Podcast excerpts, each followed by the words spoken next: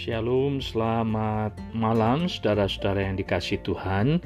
Di episode yang ketiga kita masih melanjutkan arti berkat Tuhan.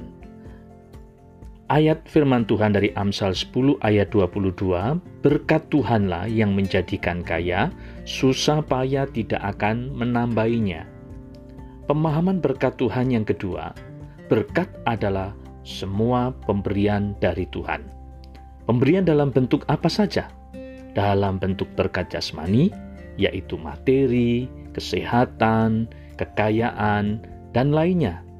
Seperti ditulis di Amsal 10 ayat 22, Yoel 2 ayat 22 sampai 27, Ulangan 28 ayat 1 sampai 14 dan lain sebagainya. Dan juga berkat rohani, yaitu kabar baik atau Injil, firman Tuhan, dan juga Kristus. Roma 15 ayat 29, Efesus 1 ayat 3. Dan termasuk di dalamnya semua karunia yang dijanjikan oleh Tuhan kepada kita melalui Yesus Kristus. Kisah para Rasul 3 ayat 25 dan Lukas 24 ayat 50.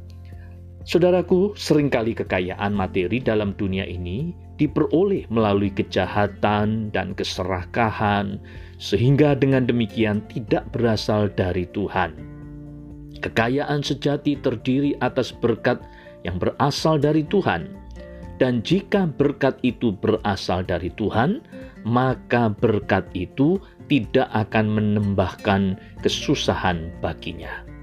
Dan harus diingat, jika berkat itu bersumber dari Tuhan, maka Tuhan adalah pemiliknya, sedangkan kita hanyalah pengelola. Karena itu, Tuhan memakai kita menjadi penyalur berkat Tuhan. Tuhan memberkati. thank you